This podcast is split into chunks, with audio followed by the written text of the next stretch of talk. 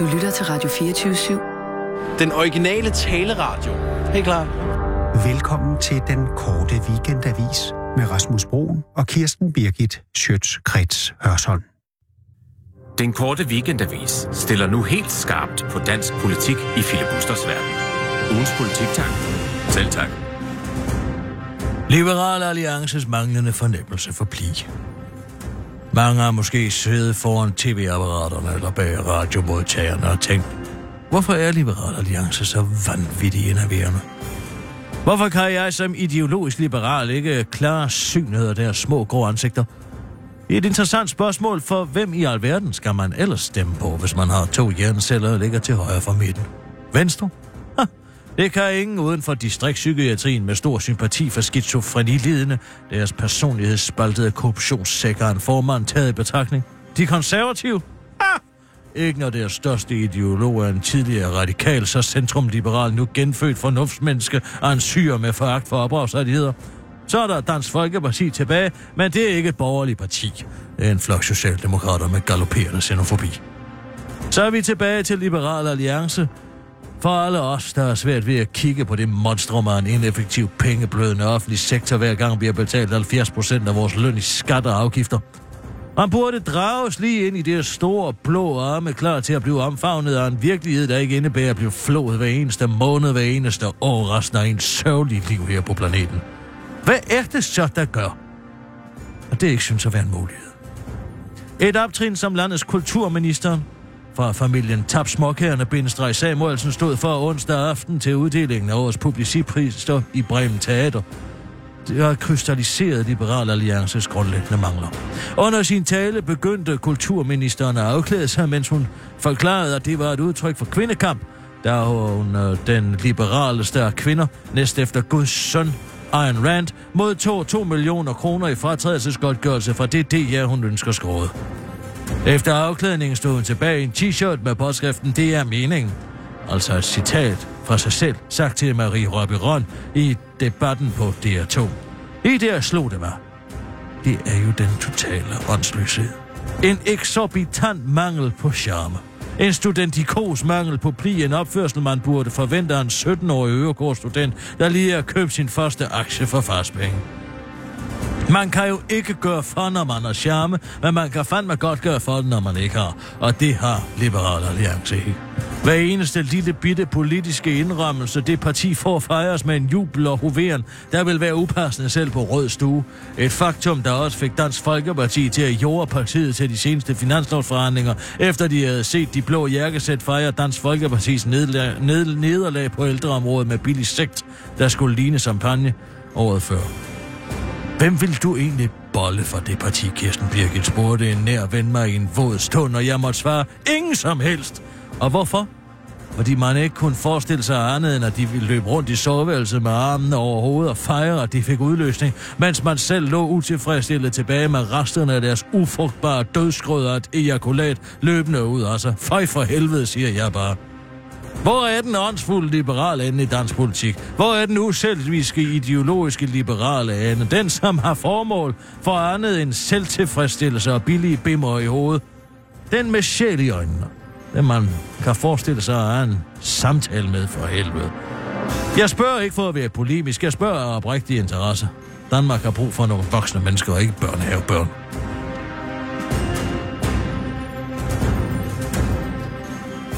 Ja, Hold da fest. Dem du ikke lidt uh, Henrik Dahl der? Altså, ham kan du da godt lide, kan du ikke? Jeg skulle da ikke, efter jeg har set hans dødsblå diabetesben. Hans, hans hvad? Hans gasblå diabetesben, det kan jeg da ikke. Der er ikke et eneste hår fra knæet og ned. Det er, at den mand ikke har været til lægen endnu. Det er da vanvid. Vanvid, siger jeg dig. Hans blodsukker må være tårnhøjt. Okay, nu har du så selv Alle polegrar, ikke? nerverne i benene er døde, Rasmus. Alle hårsækkene er væk. Der er ikke skyggen af blodomløb i de hævede blå ben. Okay, ja. Jamen, jeg tænkte måske sådan rent uh, intellektuelt, at, at det var ham, du kunne nærme dig mest. Ah, hvorfor? Fordi han engang har skrevet nogle sociologiske tekster på et eller andet universitet, som alle... Øh, øh, gym... Det er sikkert, fordi du har læst ham i gymnasiet, du synes, han er så Nej, fantastisk. jeg kan sgu ikke. Jo, jeg der kan var ikke, jeg lige, kan ikke. Nej, der var lige en jeg årgang, hvor Jeg alle læste ikke- Henrik Dahl i gymnasiet. Nej. I, hvor var det fint og flot i begyndelsen. den af her vogn har jeg aldrig været med God på. den du der. så. Nej, det har jeg da ikke. Nå, du ser jeg, heller er- ikke fjernsyn, vel? Altså, jeg er ikke liberal. Det, var bare, øh, det, det passer jo til dig. Men øh, jeg troede bare, at han måske var noget for dig. Men okay, så har han så en, øh, en omgang diabetes, eller det ved jeg ikke. Det er fint nok. En altså, jeg, omgang. Han har fået den store servering. Han har været op og taget to gange, du. På det store diabetesbord, det kan jeg godt fortælle dig. Det er et spørgsmål tid, før de skal. tror du det? Ah, det tror jeg. Et, en eneste rift dernede. Og så vil han skulle være på antibiotika resten af sit liv. Intravenøst. Mm. Eller også er det af med benene. Og Ja, jeg den har... første etbenede politiker, ikke? Vi har ikke haft nogen etbenede politikere før. Mm, lad os se. Lad os se. Mm. Mm. Mm. Pelle Jammer. Hvad? Hvem? Pelle Jammer ikke kun et ben? Hvem fanden er det? Tidligere socialborgmester i København. Han havde kun et ben. Det ville være praktisk, hvis det var for siger piratpartiet, ikke? Hvis det var... Det ville da være skægt. Ah, der er ham der, den lille i kørestolen. Den lille radikale. Christian... Øh... Han har vist ikke nogen ben. Og det har han. De er ikke så lange. De er også Nej, lidt, der er ikke så mange muskler, ikke fordi han ikke bruger dem jo. Han har ben. Ah, har Jo, han? jo, jo. Hvad skulle han sidde på? Sådan en kødklump, eller hvad? Ja. Det, nej, det, er- det, han har ben. Nå. Du kan bare ikke se dem, fordi han, øh, han har også øh, har jo tit meget store jakker på os. Mm-hmm. Jeg tror, de, den glider ned over benene, måske. Nå ja. Nej, altså, så er der vist ikke andre. Øh, nej, men så må han blive den første. Det bliver også fint nok. Ja, jeg, jeg har ikke noget imod det. Mm. Jeg har jo øh, øh, fået... Øh,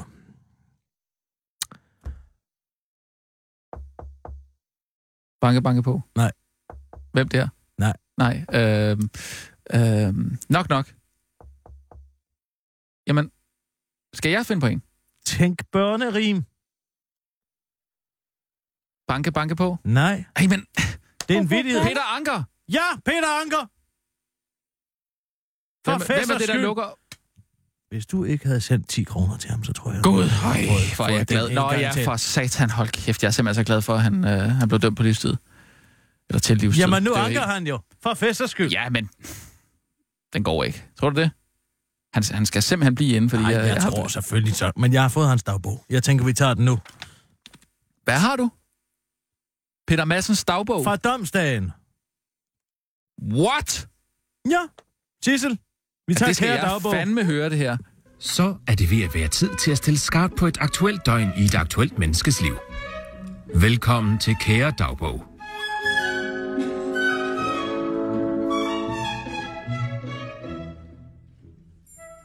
En stort set uskyldig mands dagbog fra dommedag. Goddag og velkommen i min dagbog til alle mine dejlige danske fans derude. Ja, fans. Det er jo det, I er, er det ikke? Så er det godt, øh, så øh, det er et godt og dækkende ord, synes jeg i hvert fald. Nå. Men først og fremmest vil jeg gerne sige tak for jeres overvældende interesse i mig og min afvigende, seksualitet. Og i min kæledyr, og i min livretter, og i min filmsmag. Og også en særlig tak til politikken for jeres overvældende interesse i mit virke som ubådskaptajn. Dejligt, at I har forstået, at jeg ikke bare er et genialt menneske, men også en genial ubådskaptajn, og at navnet ubådskaptajnen passer bedre til mig helt igennem, til min helt igennem fede personlighed, end navnet Peter, der jo sådan set bare er et lidt kedeligt navn. Det kan man hedde, hvis man arbejder i en bank eller på Danmarks Radio. Ikke når man arbejder på havets bund. Nå. Men tak for det. Ikke at det som sådan kommer bag på mig. Jeg har jo alle dage været lidt af en charmerende ener. Men dejligt, at I nu også har fået øjnene op for det. Selvfølgelig lidt ærgerligt, at det skulle ske i en situation som denne, som jeg faktisk er rigtig, rigtig, rigtig ked af. Og selvfølgelig ikke kun fordi, at jeg blev opdaget meget hurtigt i det, jeg ikke gjorde. Men også fordi denne sag har meget store personlige omkostninger for mange personer, for eksempel mig selv. Nå, men det, dette er min dagbog. Hvis jeg ikke tager mig alt fejl, så sidder der en frisk pige eller to derude på linjen og venter på den. I kan bare skrive, hvis I har lyst til at hive en dødstrussel eller to ud af mig. Det kunne for eksempel være noget, eller jeg har en parentes, mor, parentes, slutplan, klart som en stor nydelse. Blinkesmiley, djævle emoji, djævle emoji, djævle emoji, djævle emoji, djævle emoji. UK ubådskaptajnens dagbog fra den dag, hvor det for en gang skyld ikke var helt kanon at være ubådskaptajn alligevel. Hashtag dag 1. Kære dagbog. Vi kan vel lige så godt gå lige på hårdt. For du kan jo godt lide det lige på hårdt. Kan du ikke, kære dagbog? Det tror jeg nok, du kan. Og det er der i øvrigt ikke noget underligt i overhovedet. Det kan alle jo. Undtagen mig selvfølgelig. Eller jo, men det du ikke forstår, kære dagbog, det er, at jeg mest sympatiserer med dem, som det hårde går ud over. De svage. Dem kan jeg godt lide. Nå, kapish? Jeg vågner tidlig i dag, onsdag den 25. april, efter en god, lang nats søvn. Det er, fordi man sover overraskende godt i de danske statsfængsler. Eller i hvert fald her i det statsfængsel, hvor jeg er. Og nej, kære dagbog, jeg har års årsager aldrig siddet i et fængsel før. Men derfor mener jeg alligevel godt, at jeg kan drage en generel konklusion om forholdene i de danske statsfængsler på grund af klog. Det eneste, jeg sådan set mangler, altså ud over min frihed selvfølgelig, er misserne. Dem savner jeg, fordi de ikke er mennesker, de er kat. Forplejningen er også udmærket. Det er sjovt, for jeg har på det seneste set mange fængselsfilm. Det er der ikke noget som helst underligt i, kære dagbog. Det er ligesom, når du selv ser fængselsfilm, kære dagbog, det synes du vel ikke er underligt? Nå, vi ser jo alle sammen fængselsfilm, ikke? Nå, Pointen er, at jeg lige for tiden er meget optaget af fængselsmad, hvilket der heller ikke er noget når de kan dog på. Jeg er og eller har været interesseret i stort set alt. For eksempel også både været og smerte. Så det ville være meget underligt, hvis jeg aldrig havde interesseret mig for fængselsmad. Eller fængselsfilm. I fængselsfilm får man tit vælling eller lignende til aftensmad i fængslet, men det gør man ikke i virkeligheden. Der får man noget andet. Det er lækkert, fordi det kan holde sig i lang tid. Det kan jeg godt lide. Stammer fra min tid til søs. Nå. Man skal heller ikke arbejde i et stenbrud i danske fængsler, modsat i fængselsfilm viser det sig lidt ærgerligt, men bortset fra det vil jeg faktisk gå så vidt som at kalde fængselslivet hyggeligt. Forudsat selvfølgelig, at jeg rent faktisk vidste, hvad ordet hyggeligt dækker over. Nå, men klokken efter morgenmad skal jeg mødes med min gode veninde Bettina, der også er min forsvar. Hun er en rigtig fin fyr, og hun, så er hun rigtig god til at sige pæne ting om mig. En slags moralsk wingman, kan man kalde hende. Forleden sagde hun for eksempel, omkring min klients seksualitet har vi også hørt nogle vidner, nogen af dem med navneforbud. Han, altså mig, blev smidt ud af det sorte selskab, og et par af hans elskerinder har fortalt, hvordan Peter Madsen, altså mig, var den blideste mand at være sammen med. Det skulle nærmest hives ud af Peter, altså mig igen, før han begyndte i en sms at true en af hans veninder, og så blev det noget med en stegespid.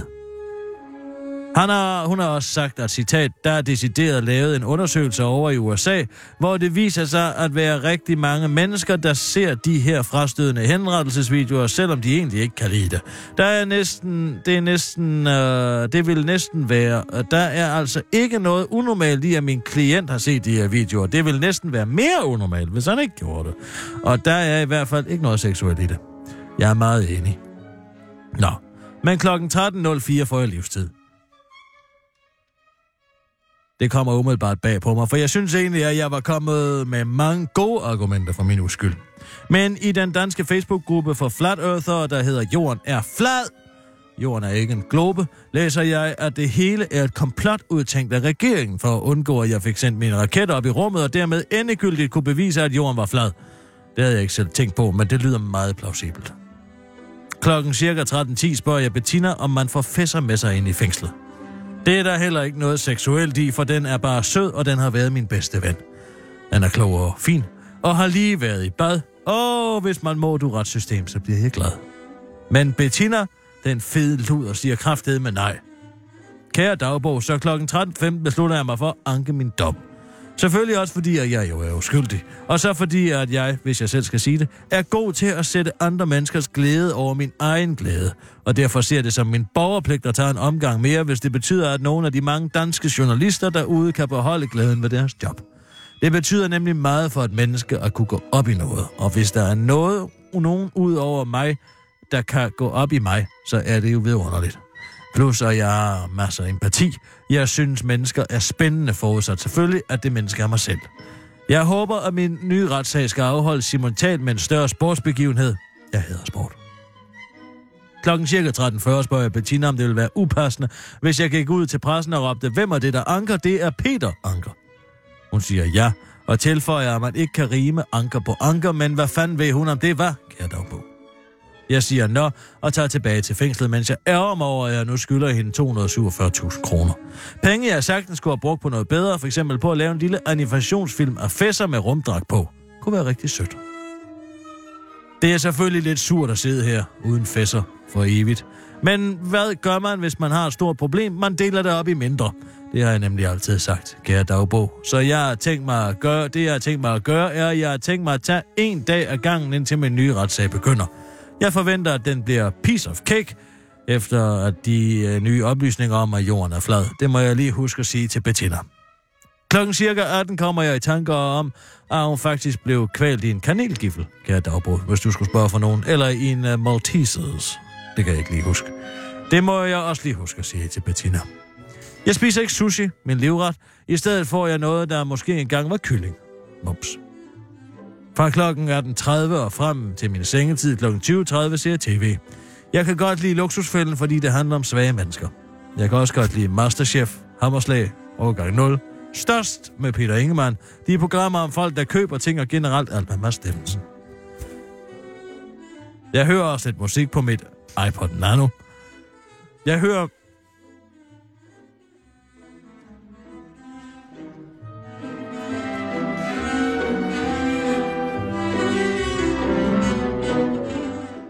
Jeg hører mest bare hvid støj, men nogle gange hører jeg også Save Tonight med Eagle Eye Cherry. Den er også god.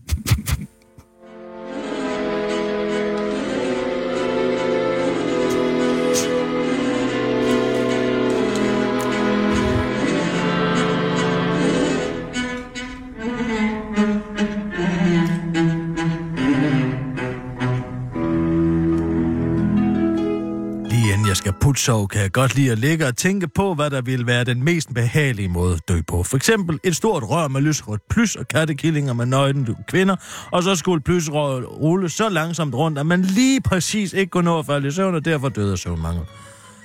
Det kunne også være, hvis nu Fæssers tunge var blevet lavet af sandpapir, og man så lå på en blomstereng, spændt fast med kattekillingehaler, mens fætter slikkede på en med sin sandpapirstunge, indtil der ikke var mere hud og kød tilbage, kun skelet. Godnat.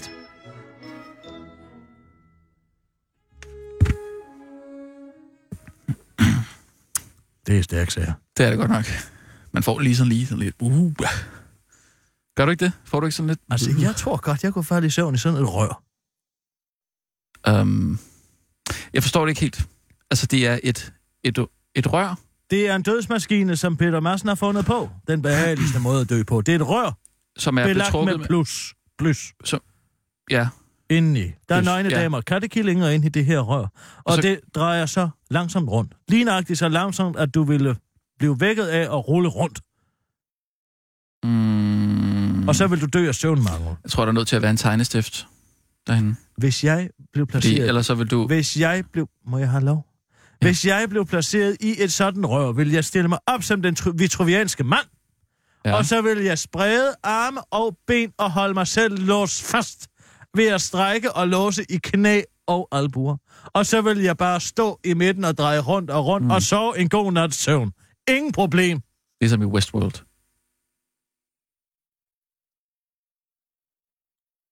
Altså, du ved, den der introsekvens der. Hvem Hvor... drejer rundt og rundt Jamen, og det gør rundt de der den? robotter jo. Har du ikke set den? Jamen, det er et ting er der, hvis man er robot, men noget andet er der, Ja, hvis ja. man er et menneske af kød og blod. Altså, men jeg vil det bare... kan jeg. Jeg, Jeg jeg vil- kan sagtens stå på Ved hovedet. du, hvad jeg vil gøre? Ja. Jeg vil lægge mig derind og sove. Altså, jeg vil sagtens kunne sove men det, det her. kan du ikke. Sagtens. Jo, der er nødt til at være en tegnestift derinde, ellers så, øh, så falder du i søvn. Hvad? Ja. Fordi øh, altså, du vil vente dig til at, at ryge ind i nogle nøgne kvinder eller katte. Det vil ikke være nok til at få dig til at falde i søvn. Og hvis der var en tegnestift derinde, så vi sådan, hver eneste gang, du vidste, at hver eneste gang, at du rullede, rullede rundt, så vil, der, så vil du ryge ned på den der, au! Og så en runde, og så, au! Du vil ikke kunne sove, det vil være umuligt. Men jeg tror godt, man vil kunne sove, hvis du altså for eksempel rammer sådan en, en blød kvindekrop eller en kat. Katten vil må- måske også dø af det, ikke? Før man selv døde, så ville man kunne skubbe lidt ned til fødderne, for eksempel. Der ville jo ikke genere en. Så tror jeg, man vil sove. Så der er nødt til at være en tegnestift derinde. Hvad så, hvis tegnstiften ryger op i en kat? Du kan jo bare lægge katten om på tegnstiften. Nej, det holder ikke, Nej, det der. så to tegnestifter. Der er nødt til at være et eller andet, der kan prikke øh, liv i dig, ikke? Ellers så falder du sgu i søvn. Det har han ikke tænkt på. Just saying. Det ser man også i New York. Gør man ikke? Men altså, jeg stiller mig op sådan. Det tror jeg er et løsning Jeg vil bare lægge problem. mig til at sove.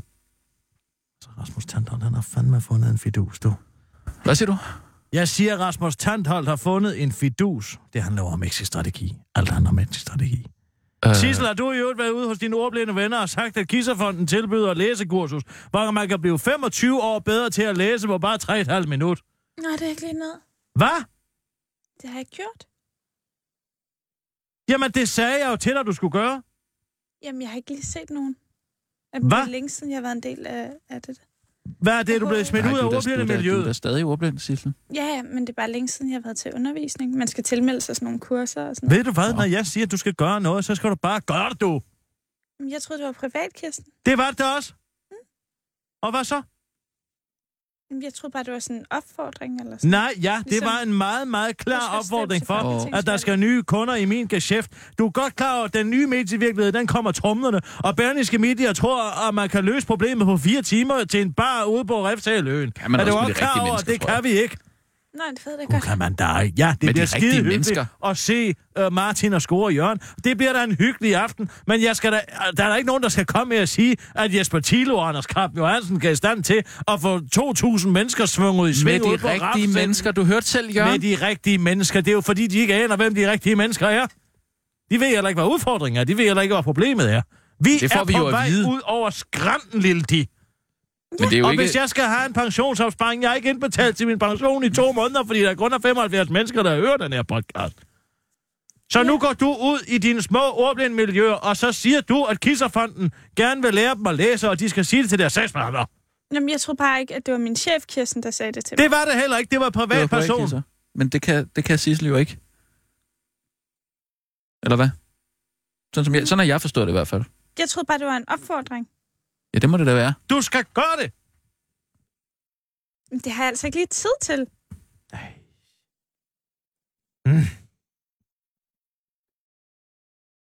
Jamen, privatkisser kan da ikke tvinge Sissel til at, at arbejde. Er det ikke rigtigt? Lad mig lige tage en anden brosje på. Så, nu er jeg journalistkisser. Hvad kan jeg gøre for dig? Du skal tage til byggesprint. Øhm, Øhm, jamen, der har jeg faktisk en fridag, tror jeg. Nej. Det har det du tror ikke. jeg heller ikke. Det er en arbejdsdag. Du skal ud på Refsaløen sammen med Jesper Thilo og Anders Krab Johansen og høre, hvordan de blev født en kold decembernat i hjemnet. Det har jeg virkelig ikke lyst Jamen, vi til. tager Nej. det sammen derude, Sissel. Os to. Det gør det ikke bedre, Rasmus. Au. Skal vi sidde der? Man kan ikke engang komme væk derfra, man skal sejles derud. Det er du godt klar over, ikke? Det er Jamen, Refsaløen. vi- hvorfor skulle vi væk derfra? Vi skal jo lige løse de der problemer. Altså, vi tager det ud sammen. Og det gør du også, Kirsten. Du kan jo Vi- godt, det kan jo godt være, hvis du skal noget andet den dag, Sissel. Skal du det?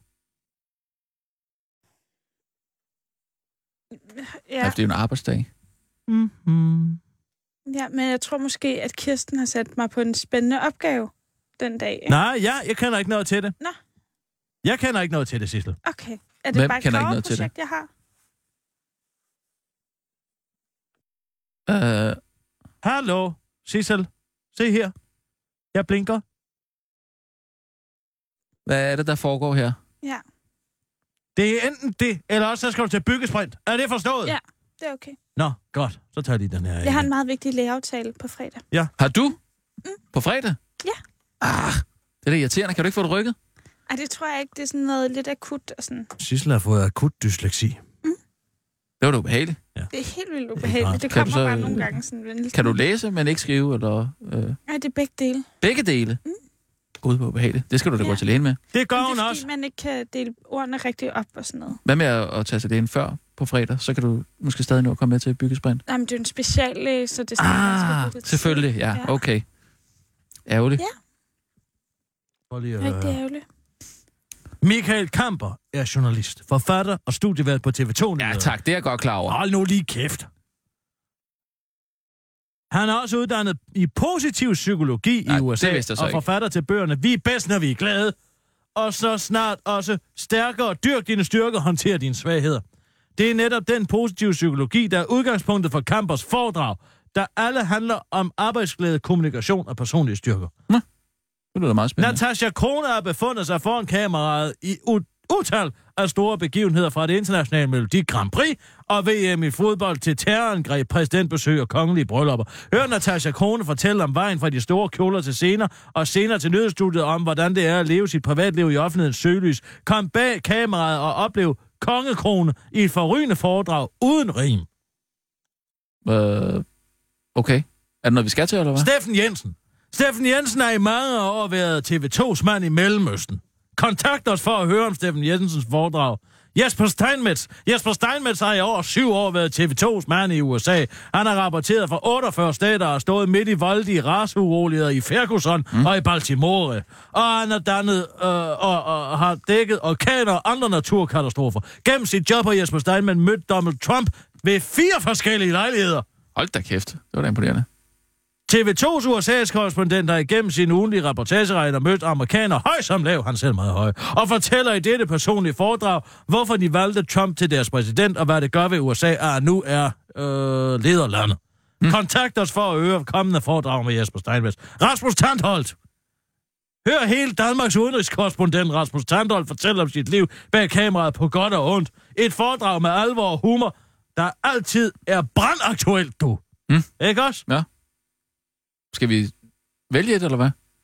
Det er Rasmus Tandholt. Jeg tror, jeg tager Kom. Steinmetz. Nej! Hvis han har, hvis han har Det mødt er en Donald Trump fire Det er gange. en exit-strategi for Rasmus Tandholt. Han har hyret alle sine kolleger inden for TV2 i sin foredragsvirksomhed. Kan man det? Ja, det er jo selvfølgelig lidt ejendommeligt, når det næste foredrag med Jesper Steinmetz er, med, er hos Mærsk. Men lad være med at tænke mere over det. Det er Ah. genialt. Det er genialt fundet på Rasmus Tandholt. Altså, han har lavet bookingbyrå. Ja. Det er den nye medievirkelighed. Jamen, du er da også øh, booker for Veronica Katinka. Ja, men den skal sgu da udvides. Hvorfor fanden har jeg ikke tænkt på det? ja, det ved jeg ikke. Sissel, ring lige til Asger Jul.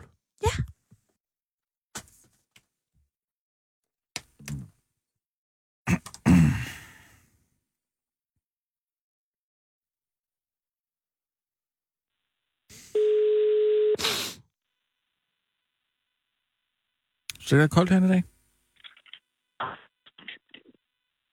Hallo? Ja, hallo? Ja. Hej Asger, det er Kisser. Øh, Hej, så. Er du i under jorden? Nej, jeg sidder i mit, øh, mit sommerhus øh, ved Boring Vi og læser lidt avis. Hvad? Gud, er du i Boring? Ja, ja, det er. Ved du, hvor det er? Ja, det ved jeg da godt, hvor jeg. Er der boring? Hold op. Hold op med det der. Ja, ja, præcis. Øh, hej, Rasmus. Ja, det, Hej, er- Asger. det er så dejligt herovre. Ja, der er skønt Så derovre. øh, er I på arbejde, eller? Ja, vi laver det her tidsforskudt øh, podcast, halløj. Men jeg ringer, fordi øh, jeg tænker på... Holder du foredrag? Jeg holder foredrag, hvad mener du? Er du ude og holde nogle foredrag ved siden af? Ja, ikke så tit øh, en gang imellem har Nå. jeg gjort det, men, men ikke, det er ikke noget, jeg gør så tit. Hvad har du?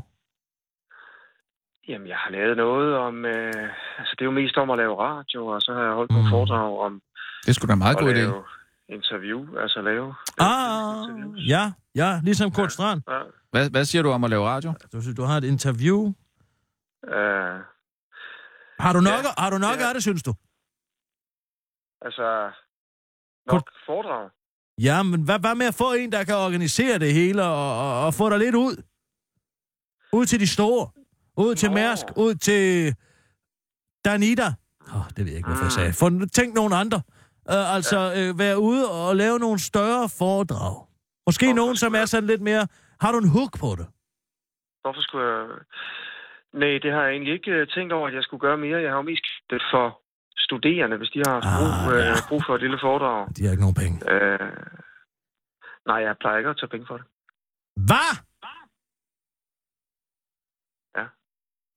Asger, nu må du også lige komme ind i den nye medievirkelighed her. Virk, me, medievirkelighed her. Ja. Har du hørt om Kirsten Bukket? Nej, er det dig? Det er mit bookingbureau. Aha. Jeg tænker, om du skal i folden hos mig. Jeg har allerede en idé til et foredrag. Hør lige det her. Øh, Asger Juhl har lavet radio i mange år blandt Danmarks mest irriterende mennesker, både blandt kolleger, lytter og gæster, kort fortalt Radio 24 morgen. ja. Det er jul, det er cool. Et foredrag om at bevare roen blandt irriterende typer. Du er jo en stor, du har jo den her stoiske ro. Den er du kendt for. Øh, altså, det er jo det, det, jeg jo tænker lidt med det. Jeg har jo øh, også fået tilbud om sådan noget moderator-chancer før. det er ikke moderator, det lidt- er ikke udelukkende moderateri. Nej, men pointen er jo, øh, Kirsten Birke, det her med at, at tage penge, for, altså at, risikoen for at komme i lommen på, øh, på firmaer for eksempel. Var det Danske Bank, du Ja, nævnte, det, eller, det er en god pointe. eller Mærsk, eller Mærsk, et eller andet. ikke? Man skal passe lidt på med at deponere sin loyalitet øh, Det tror jeg hos bare øh, sådan nogle selskaber, når man er journalist. Det, det Altså- tror jeg sgu også, det. Prøv lige at høre her, Asger. Ja, Gather you people wherever you roam. The times they are a changing. Det her handler om en ny... Siger du er bedre end Jesper Steinmetz? Er det det, du siger? Ja, det er muligvis det, jeg siger. Altså, hvis, hvis, det er, hvis du siger til mig lige nu, at Jesper Steinmetz, han tager penge den ene dag fra store selskaber, og så den anden dag optræder som uafhængig altså interviewer i, sådan, i, i samfundsjournalistik. Er det rigtigt? Når, er når, når nu du siger det, så kan man godt høre det, ikke? Den er ikke helt god. Jeg kan sgu godt høre det. Prøv at høre her en gang, kammerat. Jeg har Christoffer Eriksen allerede. Han laver foredrag, der hedder hashtag kritisk journalistik, der handler om at være kritisk journalist på Twitter. Og derfor, Ja, er jo, og derfor så synes jeg... Nu, jeg vil ikke have et svar lige nu, men ring tilbage til Kirsten Bukket, når du har lige tænkt over det, fordi det kunne godt være, at du ville have et sommerhus, der lå lidt tættere på København. hvad, hvad, altså, hvordan med penge og sådan noget? Altså, hvad er der i det, hvis det endelig er? Altså, som udgangspunkt, så siger jeg, nej, men jeg vil også gerne, øh, bare lige for lige at høre, Jamen, du skal da ikke forvente under 40.000. for Jeg får et foredrag. Så tager jeg selvfølgelig mine 17,5 procent i salær. ja, Ikke også? Jo, Men det er jo ikke det er galt. jo, nej, det er vel omkring, så får jeg lidt over, altså omkring de 32. Så får du lige omkring de 32, ja. Ud. Og det kan du få, det kan du få som du vil have det. Okay, så lad mig tænke over det. Du siger, Kri- Christoffer er med, eller? Han er med på det. Men tænk over det. Ring tilbage. Kig dig om i dit lille sommerhus over i Boring, ikke? Ja, jeg Det- ringer tilbage. Det er godt, du. Hej, hej. Okay, hej Rasmus. Ja, hej Asger. Åh, hvad fanden får man alle sammen med. Sissel, ring til Brian Weikart. Ej, den får du sgu ikke ham med på. Det tror jeg sgu ikke. Det skal du ikke sige. Brian Weikart er en af Danmarks bedste politiske analytikere. Er Politiske, politiske redaktør. ja, så kan høre det. Nu skal du bare se her. Åh, oh, tre. Hallo, det er Brian. Hej Brian, det er Kisser. Hej, Kisser. Goddag, goddag. Nå, nyder det gode vejr? Øh, ja, indenfor. Nå. I hvert fald. Jeg tænker på, Brian, laver du så noget foredrag ved siden af? Noget mo- moderatorjobs? Nej, det gør jeg ikke, Kisser. Det har jeg aldrig gjort. Er det fordi, der ikke er nogen, der har spurgt, eller hvad? Ja, det er, det er faktisk i hvert fald derfor, der er nogen, der har spurgt. Nej, men prøv at høre her. Hvis du nu kom i folden hos Kirsten Bukket, så kunne det jo være, at du øh, måske fik nogle flere jobs. Jeg kan jo være med til, jeg har et netværk. Ja, Du skal tænke på, det, det, det, det tror jeg altså ikke rigtig er noget for mig. prøv at høre, jeg skal... jeg, jeg, er, meget, jeg er en meget taknemmelig type. Altså, øh, hvis der først nogen, der giver mig et andet, så bliver jeg meget let taknemmelig. Det har jeg ikke lige lyst til at være. Prøv nu at høre her. Du kan sagtens... Du, det, altså, der er jo forskel på, hvornår du er politisk redaktør herinde, og hvornår du så i weekenderne eller efter arbejdstid laver nogle andre af privat, Brian. Ja. Ikke også? Så kan jeg du stå altså- her. Prøv at høre her. Jeg har lavet et lille oplæg til dig. Okay. Det er, hvad jeg tænker, der kan stå på kirstenbukket.dk. Brian Weikart er en af Danmarks bedste politiske redaktører. Og det er altså ikke bare Den kan jeg smi- godt lide. det er altså, det er lide. altså ikke smiger, Brian. Det er rigtigt. Jeg kan i hvert fald godt lide Og har sin daglige gang på magtens tinde. Men hvordan er det egentlig, hedder Brian og skulle igennem døren på Christiansborg? Ja, jeg hedder Brian. Skulle spørge for nogen? Er foredraget om kunst, der hedder Brian at være intellektuel? Har, har, er der andre, der er med, eller, eller hvad? Asger Juhl og Christoffer Eriksen er med. Asger? Ja. ja. Han er med. Han er, han er meget interesseret. Nå. Christoffer Eriksen har et foredrag, der hedder hashtag kritisk journalistik, der handler om at være øh, journalist på Twitter. Men jeg, jeg skulle have et om at hedde Brian. Ja, altså det her med, hvordan det er at blive mødt. Altså ude Nå. i verden, når man hedder Brian og er en intellektuel mand. Ja. ja, det er rigtigt. Det er, ikke, det er ikke så let. Det kender jeg godt. Det kunne jeg- også hedde, ja, jeg hedder Brian, men hør lige mit efternavn. Den var bedre. Så kan man da også holde det dobbelt så langt for. Ja, ja, ja, ja, ja. Så siger vi den. Jamen, Altså, jeg, jeg, bryder, jeg, jeg bryder mig ikke om det. de gør det samme på TV2. Holder foredrag om at hedde Brian. Nej. Jesper Steinmetz holder foredrag for Rasmus Tandholt. Booking. Nå. Og det gør, Michael, jeg- det gør Michael Kamp også. Det, det, det er slet ikke noget problem. Det er jo fordi, at det er jo ikke samtidig med, at du er på arbejde. Du, du er politisk redaktør herinde, men så er du bare dig selv. Ja, så kan det godt være, at det handler om, at du er politisk redaktør, men du er jo bare dig selv, når du skal ud til Mærsk. Eller øh, nogen andre. Eller måske holde foredrag for Venstre. Jeg, jeg, jeg, jeg bliver altså nødt til at sige nej. Det, det, det, det har jeg ikke lyst til. Det har jeg simpelthen ikke lyst til. Hvis man kan sige det. Ja, fint nok. Det er godt, du. Hej, hej, hej, det godt. Ja, hej, hej. Hej. Satan i helvede. Det lyder altså også mærkeligt. Jeg synes, det må være svært, det der med at, sådan at skulle... Jeg synes også, du har det problem med at skælde ned, Sissel, ring til er. Anna Ingrids. Ja. Hvad? Anna English. Hen får du kraftet ikke med på den der. Det gør hun sgu ikke. Vise vasse. Hvad tror du? Altså, hvad skulle hun sige til... Til Krasnik? Skal der ikke stå model Det er Anna. Hej Anna, det er Kisser. Hej du. Forstyrrer jeg dig? Nej, ikke sådan... Øh, nej, ikke ud over sådan tvillingekaos, men nej. Nå, ja, du er stadig på barsel der. Nej. Nej, jeg er ikke på barsel. Jeg har været på arbejde længe. Nå, okay. Ja, en Jamen ikke? altså, øh, prøv at høre her. Jeg har en idé, som jeg Ja. tænker på, nu når du ikke længere Ja. er på barsel. Og det er at... Øh... Hold du foredrag? Om jeg holder foredrag? Ja, tager du ud og fortæller lidt om, hvordan det er at være Anna Ingrids? Øh, nej, altså jeg er mere sådan noget ordstyr, noget de steder foredrag. Det gør jeg ikke så meget. Er du hos nogen? Er nogen, der håndterer dig? Øh, Måns, kender du ham? Måns? Det siger du simpelthen ikke. Det er svin. Har han, har han kapret dig? Måns Jensen? Altså det... Øh, jeg kan ikke engang huske Måns Lindved. Hvad fanden er den hedder? Er det ikke det? Ja, Måns Lindved nu. Morten. Lindberg? Nej, Måns, Måns Lindved, tror jeg, han hedder, ja. Måns? Hvad er det med de mennesker? Hvad tager han for det? Måns Lindved. Og det ved jeg sgu egentlig ikke helt, faktisk. Men det er, ham, der, det er også ham, der, der tager sig af Martins ting, og jeg tror også Nynne. Nynne Bjerre? Nynne, ja, lige præcis. Jeg kan gøre det 2% billigere. Jeg tror faktisk også, han tager Christoffer Eriksen. Nej, han er hos mig.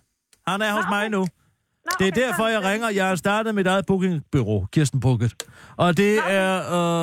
Øh, ja, ja, ja, ja, tiderne skifter jo, Anna.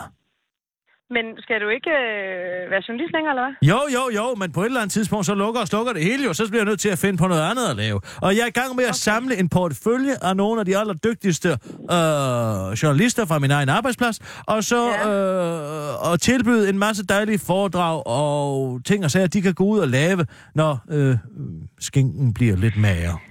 Og det ved jeg, jeg tænker umiddelbart, at der kan opstå nogle konflikter i det der. Jeg tror, det tror jeg sgu, jeg hellere vil holde mig ud af. Nej, hold nu kæft med det der. Hvad er det for nogle konflikter, der skulle opstå? Ja, altså, at du ligesom organiserer, der er en masse habilitetsproblemer i det. Det tør jeg sgu ikke lige umiddelbart røre ved, tænker jeg. Hør lige Jeg den også- her. er også Hør lige den her, inden du siger nej. Ja. Jeg har skrevet en tekst til dig. Anna Ingrids. Anna Ingrids blev for alvor landskendt, da hun blev gift med journalisten Martin Krasnik, selvom hun før det var en blændende journalist i sin egen ret. Mm. Hør om det kvindelige glasloft i foredraget med det svære navn Ingrid Krasnik eller Krasnik Ingrids. Ja, at det er Ingrid Krasnik. Jamen, det er jo det, hvem er det manden eller kvinden, der kommer Nå, først? på den måde. Ja, For okay. fanden, Ja. hey. Kan du ikke Ja, se det for dig? Det er sgu da lige noget til øh, b, b, b, Stine, Stine Bosse. Stine Bosse ville bestille dig til at komme ud på det kongelige med det samme, det kan jeg love dig for. Mm. Ja, Prøv at høre her. det ved jeg sgu ikke. Vi sætter en fast pris på 40.000. Jeg tager 15, 40.000? 15 procent. 15 procent? Nej, det tror jeg ikke går. Nå. Jeg tror kun, du for var meget. gift med en jøde. Ja, ej, det, øh, der har jeg alligevel dog lært lidt forretningsmetoder af det. Hvis du i øvrigt, at han Jeg står jo for alle, jeg står jo for alle øh, kontrakterne. Jeg står for forhandlinger af, hvad der skal være på din rider. Jeg står for, og jeg tager med dig derud og sørger for, at alt det fungerer det, har- efter det, reglerne. det, der, det, er, det er slet øh, ikke noget behov for, Kirsten. Det lyder som rigtig øh, godt. Okay, tilbud, så kan du men dig alt det, så er det bare 10 procent for at lægge på siden, og så får du hele mit netværk med. Jamen, det, hvad er det, du har tænkt dig, du skal gøre for mig, som altså, vil kræve 10 procent? Ja, må, hvem, for, hvem kender jeg? Jeg kender Gud og hver mand. Jeg kender alle erhvervslederne. Jeg kender dem alle sammen. Det er bare et spørgsmål om, at de ringer til mig og siger, Kirsten, vi kunne godt tænke os et foredrag om det og det. Og så siger jeg, at der Ingrid, hun er perfekt til det her. Det bliver 40.000 kroner. Ja, ja. Men det er jo præcis det også, øh, Mogens gør. Han tager slet ikke de der gebyr. Vil du sige, at du har en erkendt, som ikke engang tager 10 procent? Det tror jeg æder med ikke på. Jeg ved ikke, hvor meget han tager. Han Nej, der kan du selv med, se, hvor, hvor godt forretningstalent har du, hvis du ikke engang aner, hvor mange procent din manager Ja, tager. fald 10 procent er i hvert fald for meget. Men Det tror jeg ikke på. Tjek det. jeg. Anna Ingrid, tjek det. Ring tilbage til Kirsten Bukke. Ja, okay, det gør jeg. Det er godt. Hej, hej. Det er godt. Hej, hej. Sissel, ring til Ida Herskin. Jeg synes, der tegner sig et billede af, at de ikke rigtige. Selvfølgelig skal nok vende tilbage. Det er bare et spørgsmål om en, så falder dominobrikkerne. Så falder dominobrikkerne på plads. Du får ikke mig med på den der. Jeg kan godt, jeg kan godt sige det med det samme. Der er altså en interessekonflikt der, det skal jeg ikke. Bare roligt, der er ikke engang nogen, der vil lære dig, du.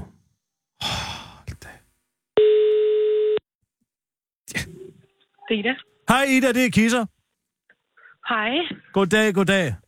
Hold du foredrag? Hva- hvad siger du? Hold du foredrag? Altså sådan, øh, hvad tænker du, sådan nogle historiske, eller hvad? Hvad? Nej. Jeg taler om, om dig selv. Øh, Nå, ja nej, altså, men jeg vil da gerne på et tidspunkt lave sådan nogle, øh, være moderator eller et eller andet. Men jeg holder ikke nogen lige. Så er du kommet til den rette. Ja, Jeg er i gang med at etablere et bookingbureau. Det er allerede etableret. Vi har mange prominente øh, journalister fra Radio 24 med.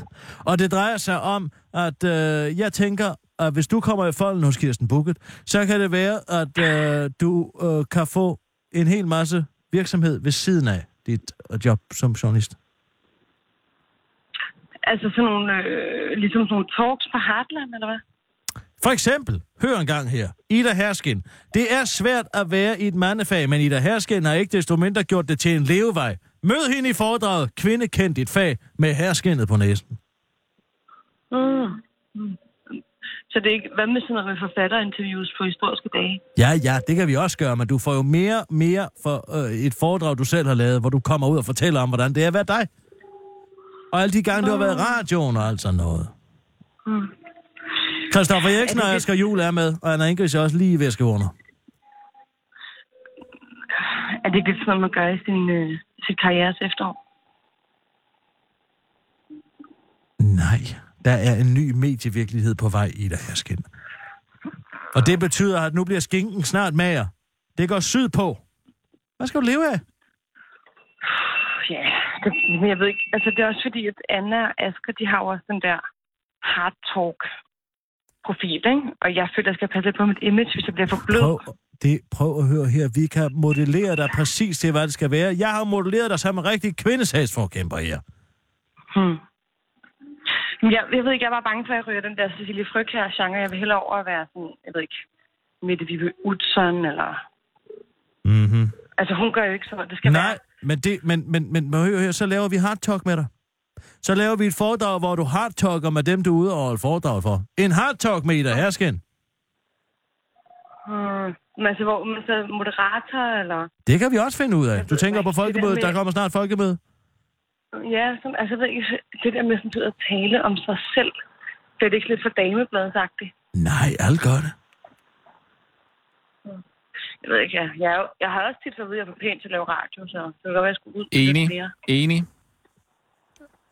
Men altså, jeg ved ikke, jeg, jeg, jeg synes også, fordi at jeg ikke er uddannet journalist, så skal jeg passe på min integritet, forstår du, hvad jeg mener? Oh. Så hvis jeg sidder og laver alt muligt ved siden af, jeg ved godt, Asger kan godt gøre det, fordi han ligesom har etableret sig et navn som hardtalker, ikke? Men der er, altså- jeg, jeg er jo ligesom blevet, jeg ved ikke, nogle gange så er jeg bare træt, at jeg skal være sådan den der good cop, og så er de andre, de Prøv at høre her. Jeg sender en kontrakt til dig, Ida Herskin, hvor i jeg forpligter mig til at skaffe dig fem moderatorjobs på folkemødet. Lad os kalde det en starterpakke. Kirsten, du er så sød, men jeg bliver altså nødt til at takke nej. Okay, fint. Farvel.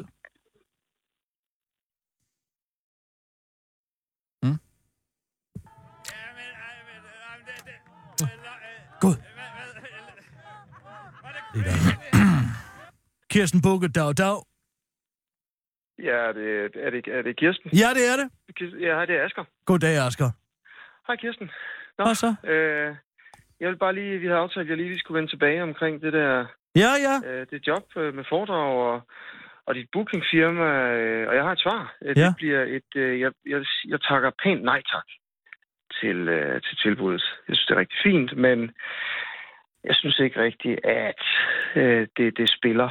Ja, ja, det undrer mig meget, at Christoffer har sagt ja til det, det må jeg sige. Men øh, øh, det, og, det, og det respekterer jeg 100%, men jeg siger nej tak. Jeg synes ikke, jeg kan okay. forene det med at være, være journalist. Nej, okay, det er godt, du. Hej, hej. Så må du hygge dig i Boring. Ja, tak. Så ring til Kors Fejstrup og få det overstået. Så har du været med alt sammen igennem. Sissel, ring til René Fredensborg. Okay.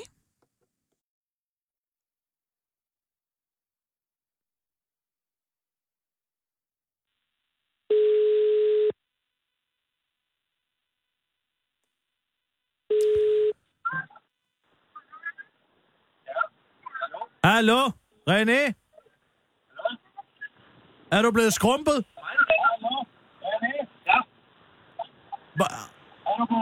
Du, er du blevet skrumpet, René? Du lyder meget lille. Er du på Filippinerne nu? Hør lige en gang her. Holder du, holder du foredrag? Holder du foredrag, René? Sådan. Altså, nu har jeg telefonen i hånden. Hvad sker der? Hallo? Holder du foredrag, René? Ja, faktisk øh, foredrag, ja, altså... Øh, Det er sejt i næste fufu. torsdag holder jeg foredrag på VU, VUC. VUC? Ja, men det får jeg kun to flasker rødvin for, for at sidde og udlevere mig selv i timevis, ikke? Øh, så hvorfor? Det er fordi, jeg ringer fra Kirsten Bukket. Med et Kirsten bookingbureau. Nå, okay. Ja. Jeg er, har en her af øh, store journalister fra Radio 24 som jeg øh, er manager for. Nå, jamen, øh, for, altså, jeg har... Øh, er det noget, man kan tjene penge på? Ja, det er noget, man kan tjene penge på. Jeg tager 20 procent, og så hedder det øh, 20.000 kroner per foredrag. Ja, det er så, jeg har jo, øh, jeg har jo bundløs gæld, så jeg kan jo for eksempel holde foredrag om, hvordan det er at have gæld i 15 år, og så ikke betale en krone tilbage. Bare Ja. det. Ja. Øh, jeg har jo også, øh, hvad, med, hvad med sådan noget som hustur med René? Altså, hvor jeg fortæller, jeg var jo lige på LSD i weekenden. Har du, har du prøvet det, Kisser? Ja, ja, det har jeg prøvet. Jeg synes nok ikke, jeg kunne mærke så meget. Det er sjovt, mand. Ved du hvad, når man går rundt ude i en skov, så er det ligesom om skoven ånder på en, og du får... Du, du, Det du hedder får- vind, René. Nej, vind? Det er fordi, det blæser. Men det, altså, blæsten kan man ikke få at se. Nej, nej, nej, nej, det er meget, det er meget vildt. Det er som om, at du kan se træernes blod over. Du kan se deres hjerter Ja, pumpe. men Der de har også et René. Træer har år. Årringe. Nå, ja. Nå, men altså, jeg siger bare, jeg gad godt at lave et foredrag, hvor man ligesom tog, tog lytterne med ud i skoven, gav noget LSD, og så ligesom var sammen i 6 timer. Lad os, lad, lad, lad, Noget os, lad os tænke på det i fremtiden. Lad os tænke på det lidt ned ad vejen. Indtil videre har jeg en idé til dig, der hedder Fra hjemløs til Neakong på Filippinerne. Nærekonge. Ja, lad os bruge din nyfundne kærlighed til en filippinsk kvinde. Fra hjemløs til Neakong på Filippinerne. Hør en af Danmarks bedste interviewer fortælle om kærligheden under sydens sol, samt problematikkerne ved det strikse danske udlændingelovgivning. Nå, det kan jeg så sagtens sige noget om. Men hun er ikke nære. Hun er bare lidt brun i det. Ja, jo, jo. Potato, potato. Men altså, Neakong, det lyder bedre end brun kong, ikke? Og det gør det så. Det gør det så. Øh, det, det, ved du hvad, må jeg tage min far med, fordi han har været dernede i 20 år. Ja, han er altså, jo, han er jo. Hvordan I, hvordan I vil fordele de penge, det skal I, må I selv finde ud af. Ja, jeg får jo alt. Der er mange, der skriver til mig, hvordan får man egentlig en thai eller en filipiner til Danmark? Der får jeg mange spørgsmål. Så Det er jo- et helt altså, andet altså. Jamen, men jeg tror, vi skal tale mere om det, fordi der er en hel uh, vifte af muligheder. Altså, og øh, 20.000 for et foredrag. Ja, Ja, på. det er godt, René. Skide godt. Jeg sender dig en kontrakt. Det er du, det er en god heldig dag, du. Hej, hej. Hej, hej. Hun lyder meget ung, Janne Fufu. Ja, det synes jeg også. Er yngre, end jeg havde regnet med. Øhm, hvorfor siger du 20 procent til René, når du, øh, når du siger 17 og 15 procent til de andre? Fordi René er desperat. Er det ikke lidt strengt? Det hedder at være en forretningsmand. Ah, Kirsten. Forretningskvinde. Ja. Ej, så er det kun René og Jarl Cordua. Har du Jarl Cordua? Ja. Jeg troede ikke, vi var på talefod sammen. Det er vi heller ikke som sådan, men jeg har skrevet til ham, og han kunne også godt tænke sig noget at rive i. Jan Cordua er en af Danmarks mange radioværter, og beværter det politiske talkshow Cordua og Steno, men derudover er han en af Danmarks førende sandwich aficionados. Hør ham tale om sandwiches og alt det, han hader i foredraget Jarlen og Sandwich. Jarlen og sandwich. Ja, og det hedder Sandwich. Sandwich. Ved han meget om uh, sandwiches? Eller Han er, elsker sandwich. Har du snakket med ham om øh, hotdoggen? Om det er en sandwich? Han siger, det er en sandwich. Så ved han ikke en skid om det. Han ved enormt meget om sandwich.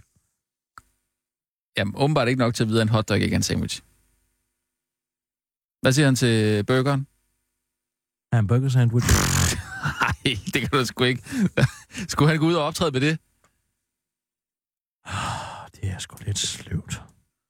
Jeg er sikker på, at du ikke vil ud og holde nogen foredrag. Øh, Med mig? Ja. Jamen, jeg tror ikke, du vil have mig. Nå jo, men hvis vi finder på noget godt. Kaffe? Nå, nu er du op med den der kaffeting igen. Jamen altså, hvis Jarl Korto er med, og René Fredensborg og Christoffer Eriksen, så Ja, Christoffer er ikke rigtig med. er han ikke med. Nej, han var ligesom... Jeg brugte ham lidt til at få gang i butikken. Og det gik jo også med Jarl. Men, øh, øh, ja, og René, han er jo René. Men, men hvad med dig? Mm. Jamen, jeg har sgu ikke rigtig nogen penge. Altså, Flow? flow? Sådan kom jeg af Flow. Ja. Et nærværende foredrag med Rasmus Brun. Ja, det, det, jamen, jeg er, jo, jeg er jo heller ikke som sådan på. Jeg er jo ikke på. Jeg er jo bag øh, radioen, kan man sige. Så. Mig og min kompostbunke. det var da... Jeg har faktisk lige brugt... Jeg har lige øh, fået vendt kompostbunken Nå, og, og fået jamen, fordelt altså, i, det- det, i haven. det- Jamen, det er altså en interessant proces. På bare et år! Det er da helt vildt. Jeg fik at vide, at det kommer til at tage tre år minimum. Du kommer ikke til at få noget af den der kompostbunke. Et år, du, så er den der. Jeg har simpelthen det bedste. Det er, det er fyldt med, med, med regnorm. Altså, den begejstring der, den kommer til at lægge landet ned. Tror du det? Lav en powerpoint-præstation til det der, og så kører vi, du. Men kan du ikke lige lave en, øh, en overskrift på det?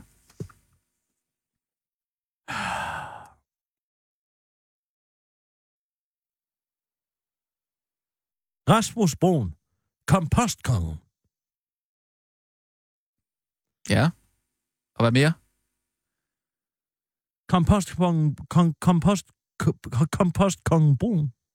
Er måske Ah. lidt bedre. Hvad med, øhm, kan du lave noget med fraklerne? Der er jo Madame Skrald. Øh, så kunne jeg være en, en, en øhm, ja, altså ikke en madam, Det er, men da, altså det er en da et sjovt indslag, at du taler med din skrald. madam. Jeg kan tale med Madame Madskrald. Madame Madskrald. Også for børn. Pissefed idé. Så kan du få måske tabe ind i alt det der Sigurd halløj. Gud. Det er sgu da en genial idé. Madame Madskrald. Kan du spille et instrument? Øhm, koklokke.